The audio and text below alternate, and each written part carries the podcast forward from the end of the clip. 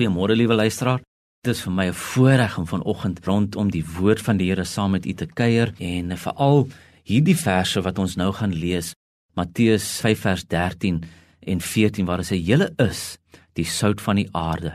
Maar as die sout laf geword het, waarmee sal dit gesout word? Dit deug nêrens meer voor as om buite gegooi en deur die mense vertrap te word nie. Vers 14 sê julle is die lig van die wêreld. 'n Stad wat bo op 'n berg lê, kan nie weggesteek word nie.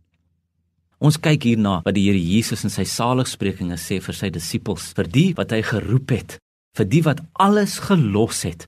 Die Here Jesus het hulle geroep en die Bybel sê vir ons, hulle het hom gehoor, hy het vir hulle gesê, "Volg my," en hulle het alles laat staan en hom gevolg. En hier lees ons hierdie baie bekende gedeelte waar hy sê julle is die sout van die aarde en julle is die lig van die wêreld en die eerste belangrike ding eintlik die heel belangrikste ding wat ons vanoggend na kan kyk is dat ons moenie dink dat hierdie 'n opdrag is nie. Hierdie is 'n stelling van 'n feit. Dit is 'n feitelike stelling.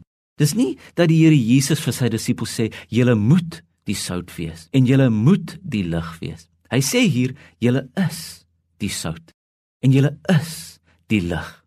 So belangrik is julle, julle is die sout, dat as dit nie vir julle was nie, liewe disipel, liewe kind van die Here, liewe navolgeling van Jesus, as dit nie vir julle was nie, dan het hierdie wêreld vergaan, want sout is 'n preserveermiddel. As dit nie vir jou was nie, liewe kind van die Here, dan was hierdie wêreld duister geweest. Daar waar jy lewe, daar waar jy werk, was dit duister want jy is die lig van die wêreld. Jy is die sout van die aarde. Dis nie 'n opdrag nie, jy is dit. Jy is dit daar waar jy lewe. Jy is dit daar waar jy werk. Dis nog al 'n groot verantwoordelikheid. Dis 'n groot verantwoordelikheid van hierdie manne wat net 'n week voor dit vissermanne was. En nou ewe skielik is hulle die sout en is hulle die lig. Wat 'n reuse verantwoordelikheid het ek en jy nie om in ons lewens sout te wees. Om in ons lewens, in ons wandel, daar waar ons lewe, daar waar ons werk, daar waar ons bly, om daar lig te wees. Wat 'n groot verantwoordelikheid. Kom ons bid. Ons vra die Here om ons te help om dit juis te wees. Sout en lig. Here Jesus, so kom ons voor U en ons wil reageer op hierdie groot taak wat U vir ons gee. As ons aan U behoort, as ons U volgelinge is, as ons U disippels is, dan is ek sout, Here.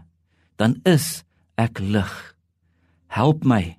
Gee my die genade om hierdie verantwoordelikheid op te neem om sout te wees, om lig te wees waar ek lewe.